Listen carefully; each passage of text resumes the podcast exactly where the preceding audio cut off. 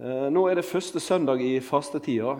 og eh, Denne tida som går fram mot påske nå, den eh, er ei, ei, ei rekke med bibeltekster som bygger opp omkring det som Jesus da gikk til, og, og starter med den første teksten, første søndagen nå i dag. Jeg skal, først så skal jeg be ei bønn før jeg leser bibelteksten. Og Den henter jeg også ifra noe av de som er bibeltekstene til dagen, det er Salme 25. Og setter opp, og når jeg leste den, så så jeg at det var en bønnesalme, og jeg tenkte at jeg skal be den før vi leser denne bibelteksten fra Matteus eh, evangeliet. Da skal jeg be i Jesu navn. Herre, la meg kjenne dine veier. Lær meg dine stier. Lei meg i din sanning, og lær meg, for du er Gud min frelser. På deg venter i hele dagen. Herre, kom i hu din miskunn og dine miskunnsomme gjerninger, for de er fra Eva. Kom ikke i hug mine ungdomssynder og min bråt. Kom meg i hug etter di miskunn, Herre, for din godleiks skyld. Herren er god og rettvis, derfor lærer han syndere vegen. Ja, Herre, du så denne gamle bønna som ble skrevet av kong David. Og nå vil oss gjøre den til vår bønn. Herre, vi trenger deg, at du lærer oss å åpne hjertet vårt og tankene våre. Og ser bibelteksten som vi skal lese, der din venn og disippel Peter ikke forsto det du var. Eh, takk for at du også åpenbarte det for han, og at han senere sto fram som vitne for ditt verk og din døde oppstandelse. Og jeg ber Herre at oss kunne likne på han. Vis det du for oss, Herre, i ditt navn. Det ber oss. Amen. Bibelteksten eh, som eh, er satt opp for dagen, den er henta fra Matteusevangeliet. Og det er kapittel 16 som er kapitlet. Og den er ikke så veldig lang. Det er bare tre vers. Det er fra vers 21 til 23. Men disse ordene som vi skal lese nå, er veldig dramatiske på et vis. Det er en stor spenning i dem. og, og du finner nesten en slags, eh, noen motpoler her som eh, krasjer med, med, tanke på hvem Jesus var. Og Da skal jeg lese dem i Jesu navn. Jesus svara og sa til dem, Sannelig sier jeg dykk Nei, nå skal vi se, nå havner jeg i feil kapittel. Et lite øyeblikk. Jeg skal ha det her. Jeg prøver igjen. Vers 21. Fra den tid tok Jesus til å gjøre det klart for læresveinene sine at han la ut fara til Jerusalem, og at han skulle tåle mye vondt av de eldste og øversteprestene og de skriftlærde. At han skulle bli sleien i hæl, og at han skulle stå opp igjen tredje dagen. Da tok Peter han til side og gav seg til å irettesette han og sa:" Gud, fri deg, Herre. Dette må aldri hende deg. Men han snudde seg og sa til Peter:" Vik bak meg, Satan. Du er meg ein støytestein, for du har ikke sans for det som hører Gud til, men bare det som hører mennesket til. Ja, Dette evangeliet og som vi har lest fra nå, det er altså det første evangeliet av de fire vitnene. Det er Matteus som har skrevet det. Han var jøde, og han var toller. og Du kan finne beretninger om da han ble kalt av Jesus. Han var i arbeid, og Jesus sa 'følg meg' og han ble med han da etter det. Eh, det er ikke uten grunn at dette er det første evangeliet av de fire. Eh, fordi det er skrevet av en jøde, og det er skrevet for jødene for å vise dem hvem Jesus var, og at han var Messias. Det er ei bru som blir bygd mellom den gamle pakta, altså Det gamle testamentet, og det så nye som nå kommer, den nye pakt som kommer med Jesus. Og så forkynner eh, Matteus evangeliet om Jesus, historie om Jesus, til det jødiske folket, de som eh, kjente både lova og skriftene, eh, og bruker skriftene som vitne for dem hele veien, som Skrifta sier, og som det står skrevet.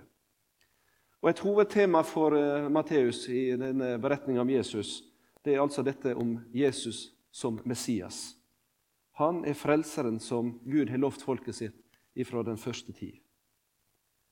Og så blir det jødiske folk, og også da disiplene til Jesus, kasta inn i denne vanskelige problemstillinga for dem, og inn i dette spørsmålet Hvem er Jesus fra Nasaret? Er han Messias? Er han Davids sønn, eller er han kun Josefs sønn fra Nasaret? Ja, dette er spørsmålsstillinga. Den, den lå der. Og dere vet eh, hva de velger i stor grad. Fram til i dag så er det jødiske folk. De vil kanskje si at han har levd, og at han eh, kom fra Nasaret, og, og, dette, men eh, at han var Messias, det er det et nei på. Det er ikke mange av det jødiske folk som bekjenner han slik. Og så er dette også, som vi leste nå, sett i en liten sammenheng. og Ofte så kan det være lurt å lese litt både før og etter. Og Når du leser versene før, eh, så vil du finne Peter og Jesus, da, og det er dette spørsmålet som dukker opp. Eh, og Der kommer dette spørsmålet hvem er han denne mannen? Hvem er denne Jesus som går her iblant oss? Og Hvis jeg da går til Matteus kapittel 16 og går noen få vers fram, så vil du se i vers 13 og vers 16 der dette spørsmålet dukker opp med Peters bekjennelse. Da Jesus var kommet til bygdene ikring Cesarea Filippi, spør han læresveinene sine hvem sier folket at menneskesonen er. De svarer. Somme sier døyperen Johannes, andre Elias, andre, atter andre Jeremia eller en av profetene. Og han sier til dem, 'Men det, hvem sier det at jeg er?' Da svarer Simon Peter og sa, 'Du er Messias, den levende Guds sønn.' Det som er blitt kalt for Peters bekjennelse, vedkjenning. Og Det er veldig spenn kan du si, mellom disse ordene som vi nå leste først, og dette som står her. Denne samme personen, Peter, denne Simonsson, Simonsson som her vedkjenner seg, eh, Simon Peter som vedkjenner seg Jesus, du er Messias, den levende Guds sønn. Og så vet Jesus sier at du er klippen, Peter. På denne bekjennelsen så skal den kristne kirken bli bygd. Messias, den levende Guds sønn. Det går på en måte fra topp til bunn ved han. Denne frimodige, sanne og ekte Jesus-bekjennelsen til denne bekjennelsen som er lidelsessky og populær og menneskeliggjort bekjennelsen det ønsket om at denne Jesus han skal være en enkel og suksessfull person, eh, en Kristus uten kors. Det er denne spenninga som Peter lever i, og som han står i. Eh, en kan nesten si det er godt at denne beretninga om Peter er med. Det er mange ting som eh, når det gjelder Peter og hans person, som en sier, det, det kunne fort blitt utelatt. For det er ikke så veldig flatterende og veldig fullt av smiger, egentlig. Men det er godt at Bibelen tar det med. Bibelen er ingen heltehistorie der du får eh, se de store, sterke og frimodige med sin store tru. Det er tvert imot ei lang fortelling om mange personer opp gjennom vår historie som eh, er veldig skrøpelige. Og Peter han var en av dem. Det er derfor det er så ekte og godt å lese. ikke sant? Han er ofte så lik oss og så nær oss i vårt eget liv. Hva var det Peter sto i? Jo, jeg har allerede nevnt Matteus som jøde og det jødiske folk. Og, de levde i ei Messias-forventning også på den tid. Slik også i dag. Nå har jeg vært heldig og vært i Israel flere ganger, og jeg hadde en fantastisk tur med Jonny som jeg aldri vil glemme. Da vi eh, kjørte rundt på kryss og tvers. Eh, og En vil møte også denne Messias-forventninga. Jeg husker ikke om det var den turen med deg, Jonny, men en gang i Jerusalem der hang det plakater Eh, og Der sto det 'Messias, Messias'. Det var, hadde klistra opp på veggene. Eh, og det var ikke Jesus som var på bildet, men det var en rabbi fra eh, Jerusalem, nei, fra New York, tror jeg. Fra en sånn jødisk sekt. Han var Messias. Um, og så døde han. Så det var det. Det var bare bildet tilbake. Men noen mente at det kanskje var han. Messias-forventning. Hos det jødiske folket så hadde altså disse løftene fra Det gamle testamentet utvikla ideer og tanker om at denne Messias som Gud skulle sende, han skulle være en mektig fyr. En stor konge og en politisk mann som skulle bli en ny David på alle vis. Han skulle gjøre Israel trygt og stort og herlig igjen, slik som det var i perioder. Og nå var de herja av okkupasjon ikke sant, av det romerske riket. En supermakt, og de, de var en liten flekk på kartet, ikke store. Og Det var vanskelig for dem å forstå at dette som hadde med lidelse og død og Messias, at det skulle kobles sammen. Slik som det blir i, hos profeten Jesajas i kapittel 53. De venter den herlige Messias, den store, den mektige, den kraftfulle, men den knuste og den nedbøyde og den korsfesta Messias, som skulle dø for syndene til folket sitt. Det var kjempelangt unna deres forestilling og tanke om hva Messias både skulle være og måtte være. Det passet ikke med deres oppfatning og tanke. Det var helt utelukka at han skulle være slik.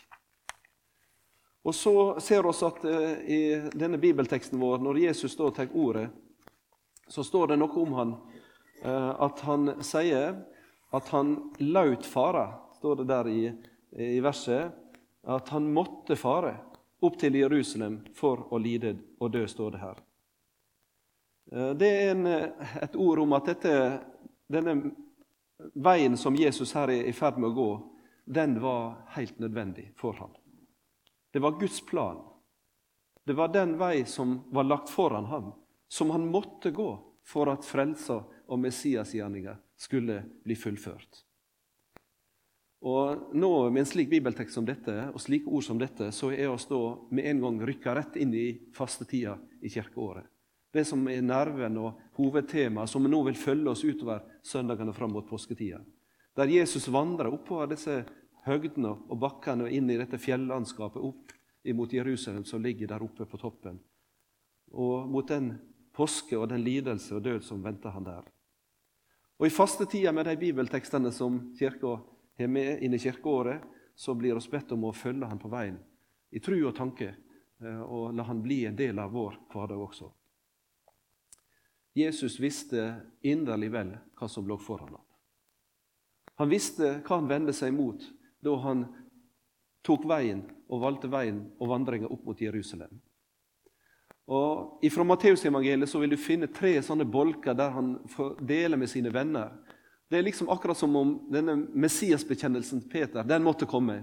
Og så, når den var sagt og den var bekjent, ja, så kommer eh, beskrivelsen av Jesus, av hvem Messias er, og hvordan han skulle være. Tre ganger så legger han ut for sine venner og disipler hva det vil si å være Messias. Og da er alltid dette lidelsesfulle og vonde med. Jesus han visste hva som eh, ville møte han. Og eh, Hvis vi leser der i bibelverset fra vers 21, så ser vi at han skulle tåle mye vondt. Eh, og Han sier noe også om hvem som skulle gjøre det. Det var de eldste og øversteprestene og de skriftlærde. Det var lederne i Israel som Jesus nevner her, som ville vende seg mot ham. Det er det som i Nytestamentet blir kalt for Det høye rådet, eller synhedrin. Eller hvis du sier det i norsk målestokk, smålestokk, altså det Stortinget. Det er de folkevalgte lederne. Dette høye råd det lå på ved Tempelplassen. Egentlig den bygninga, hvis du ser eh, tilbake på det, så ligger den akkurat der Al-Aqsa-moskeen ligger på hjørnet av Tempelplassen. På det, på, på det sørlige hjørnet og sørvestlige hjørnet. Der lå dette bygget, og tempelet lå til nord, der dette høye råd var samla. Et praktbygg med søyleganger og veldig flotte arkitektur. Det var de høye i samfunnet. Myndighetene, de som hadde makta, de som bestemte. De som sa hva som var rett av lover og regler i Israel. Hva som kunne bli tolerert. Hva som var akseptabelt å gjøre og tro. De kom i motsetning til denne personen Jesus og hans gode og rette vilje. Ja, det kan en faktisk kanskje oppleve igjen. Eh, nå vet vi at det er mange kristne i verden som eh, opplever det. At eh, gjennom sin tro på Messias Jesus så kommer de på kant med de offisielle myndigheter. Det er veldig tydelig i det islamske sammenheng. Der en faktisk også blir støtt ut, og mange blir Eh, forfulgt, og også de er der som mister livet. Men også i andre land så er det politiske system som, som forfølger, og som er, er, er imot. Nå er, ser oss sikkert mange av oss noe glimt fra OL, og vi vet at det er ikke så veldig stor distanse fra dette vinterleikene der det er fryd og glede og gullmedaljer. Så sitter det mange mennesker inne lukka eh, i fangeleirer for sin tro på Messias, akkurat slik som det står her. Ikke lang avstand i Nord-Korea. Men kanskje også i Norge så er det slik. Eh, og så vet nå at det er ikke lenge siden det var det oppe i media dette med, når det gjelder det som har med eh, livet å gjøre, når det gjelder å ha med ekteskap å gjøre. Så var det oppe i media. Da var det ikke så lenge siden det var en på, som hadde var knytta til Stortinget, som sa nei, dette går ikke. De kan ikke tenke og tro slik. Da må en se på dette som har med statsstøtte å gjøre, og stoppe det.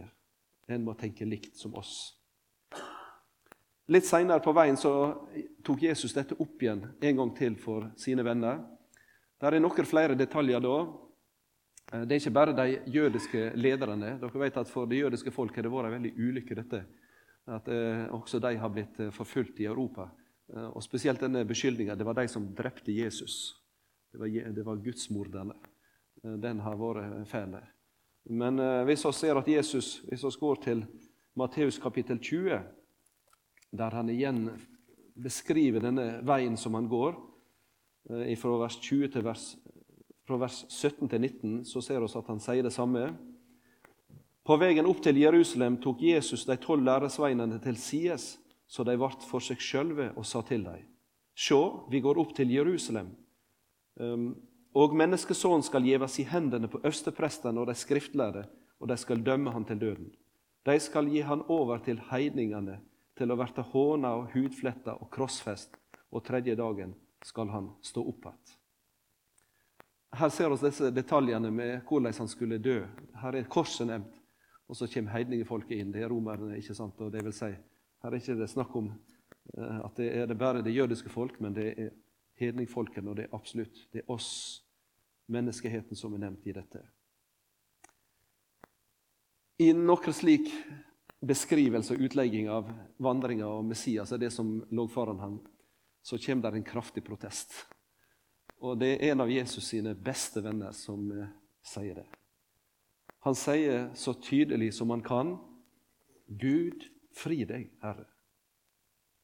Det står at Peter tok han til sides og gav seg til å irettesette ham. Eh, jeg faktisk så, så jeg det at dette ordet 'irettesette' her Jeg har ikke sett så nøye på gresken, men at det er et veldig sterkt og voldsomt ord. Så Det er ikke bare snakk om et klapp på skuldra og si at ja, men nå må du roe deg ned. Dette her var litt voldsomt.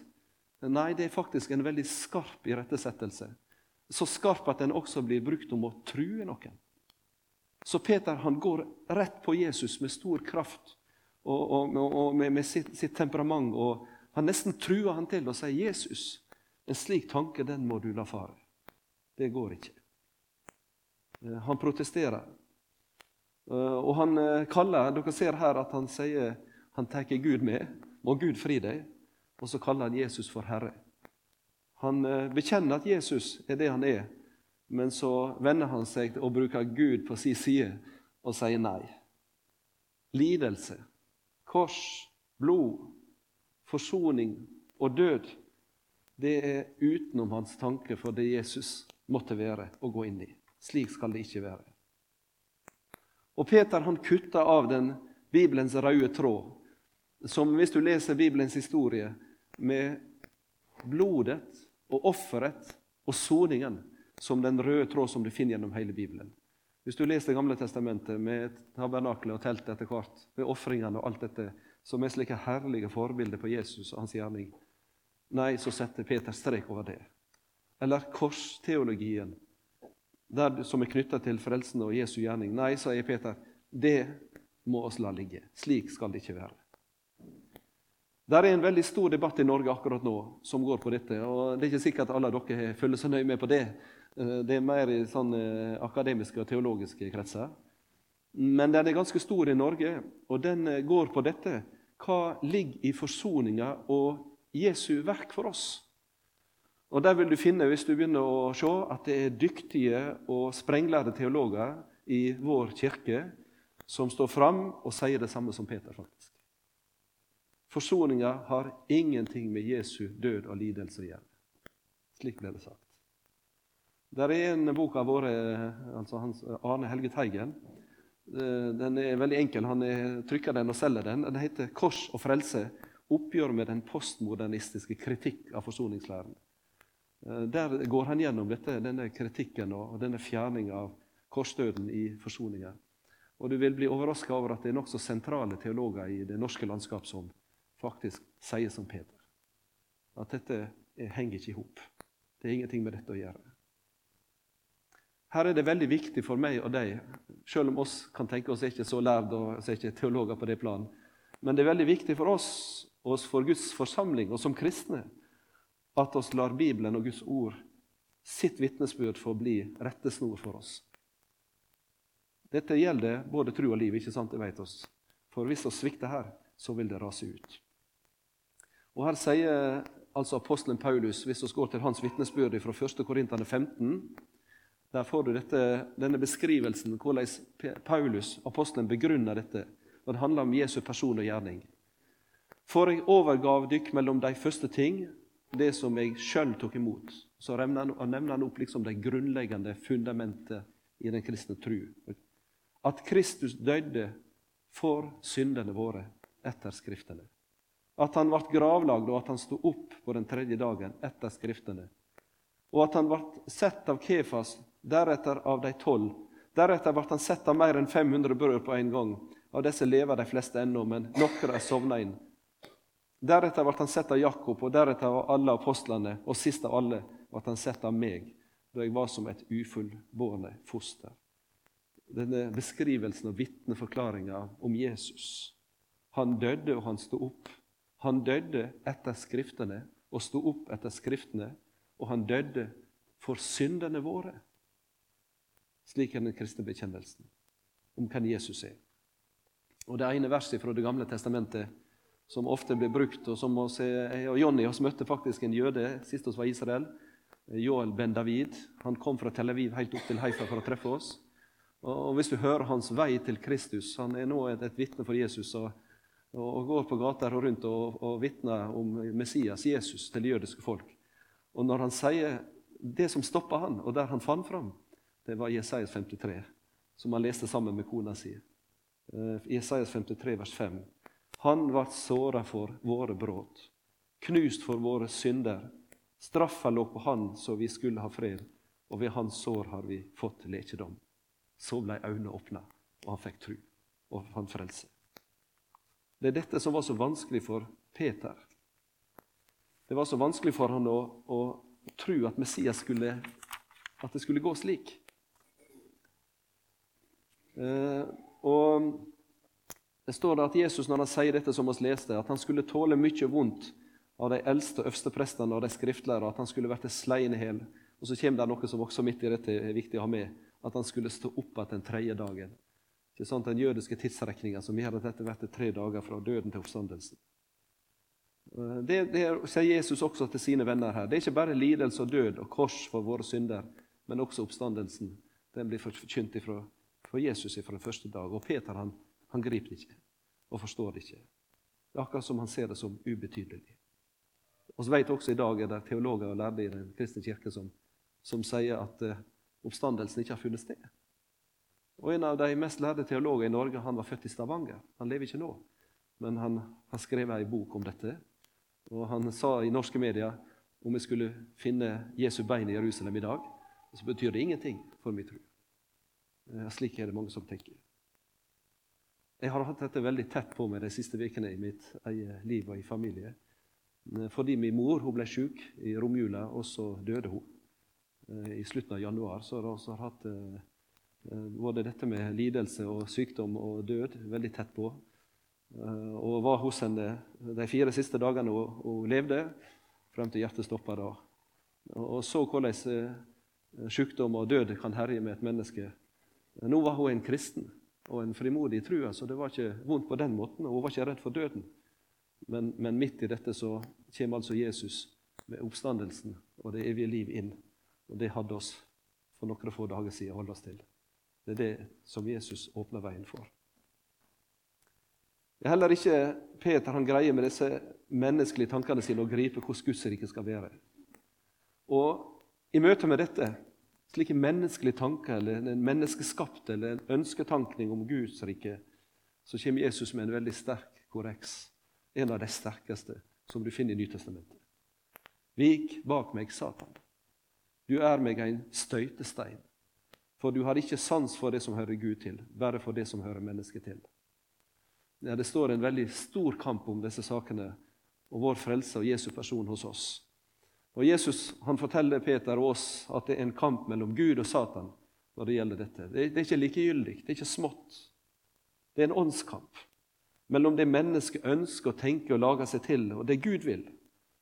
Og Slik blir Peter her han står foran oss, et bilde på den menneskelige tanke og idé- og religionshistorie, der mennesker alltid har opp igjennom har prøvd å lage og tenke sin vei til frelse. Det er en åndskapssituasjon der står oss også i dag veldig sterkt i vårt land. Og der er spørsmålet om hva er det slags Jesus oss har. Og Der sier Jesus ja, han er den som kom for fortapte, og som døde for de synd, og som sto opp for de rettferdighet. Det er en reell fristelse for Jesus. Kanskje han kunne tenke å slippe den veien. Og så vet jeg at Jesus møtte den fristelsen også i Getsemane senere ute, da han virkelig måtte kjempe for dette. Jeg har et sitat her fra Svein Granerud. Når jeg skulle forberede dette, det sånn, På nettet du kan se, det er en sånn samtale om, om søndagsteksten. Det var han og Asbjørn Kvalbein og, og Sjåstad, Egil Sjåstad. Og så sier Svein Granerud der det er først når vi ser Jesus som den korsfestede, at vi ser at vi virkelig er syndere. For der ser vi at, at virkelig at han døde for oss. Ja, Nå skal jeg slutte av med Peters vitnesbyrd slutt, for det, det, ble ikke punktum for Peter, heldigvis. For ved Guds ånd så fikk hjertet Det ble åpna. Og eh, seinere, Peter, nå har det gått mange år eh, som ligger bak dette, og Peter har blitt vitne og reist omkring. Og så har han eh, diktert det til Silvanus, som var sekretær for han i Petersbrevet. Og jeg vil bare nå mot slutten lese hva sier han til slutt, Peter. Og Da vil jeg lese fra 1. Peter 2, 21-25. Nå skal du høre hva han sier. For til dette ble det kalla, fordi Kristus og lei for dykk, og let etter dykk et føredømme så det skulle følge hans fotefar. Han som ikke gjorde synd. Det ble ikke funnet svik i hans munn. Han som ikke skjelte att når han ble utskjelt, og ikke truga når han lei, men overlete til Han som dømmer rettferdig. Han som bar syndene våre på lekamen sin opp på treet, så vi skal dø bort fra syndene og leve for rettferdet. Ved hans sår har det blitt lekte. Det var som villfarne sauer, men har nå vendt om til hyrdingen og tilsynsmannen for sjelene deres.